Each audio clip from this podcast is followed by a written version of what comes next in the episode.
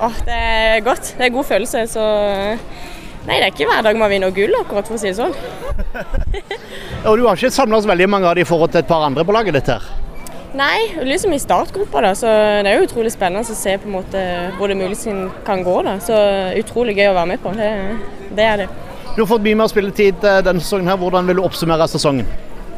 Nei, jeg syns sesongen har vært bra og fått uh, utvikla meg godt uh, og fått spille mer, Så som du sier. Det er jo liksom, det er det viktigste, det er gull verdt. Så, så jeg håper jeg ja, får spille enda mer. Jeg har jo lyst til det og, og fortsette å utvikle. Denne 39-23 i dag mot Romerike Ravens, hvordan vil du oppsummere kampen? Jeg syns vi spiller en eh, god kamp og vi får eh, trent på en måte det vi skal. eh, Og, og bruker kampen godt. Eh, Ja, Stå godt i forsvar og, og får kjørt kontra som, som vi ønsker. Så det var en god kamp. Nå er det jo påskeferie for ganske mange andre, men jeg har hørt at Jekstad vil kun gi dere ferie fram til i morgen klokka fem. Eh, Hadde det vært greit med en ferie, eller er det greit at dere eh, fortsetter treningene intensivt inn mot eh, det som gjenstår?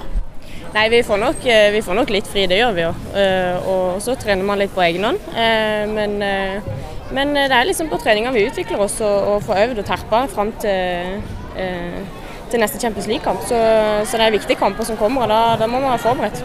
Ja, og Tror du dere kan komme til Final Four i år òg? Ja, det har vi jo veldig lyst til, så ja, jeg tror på det.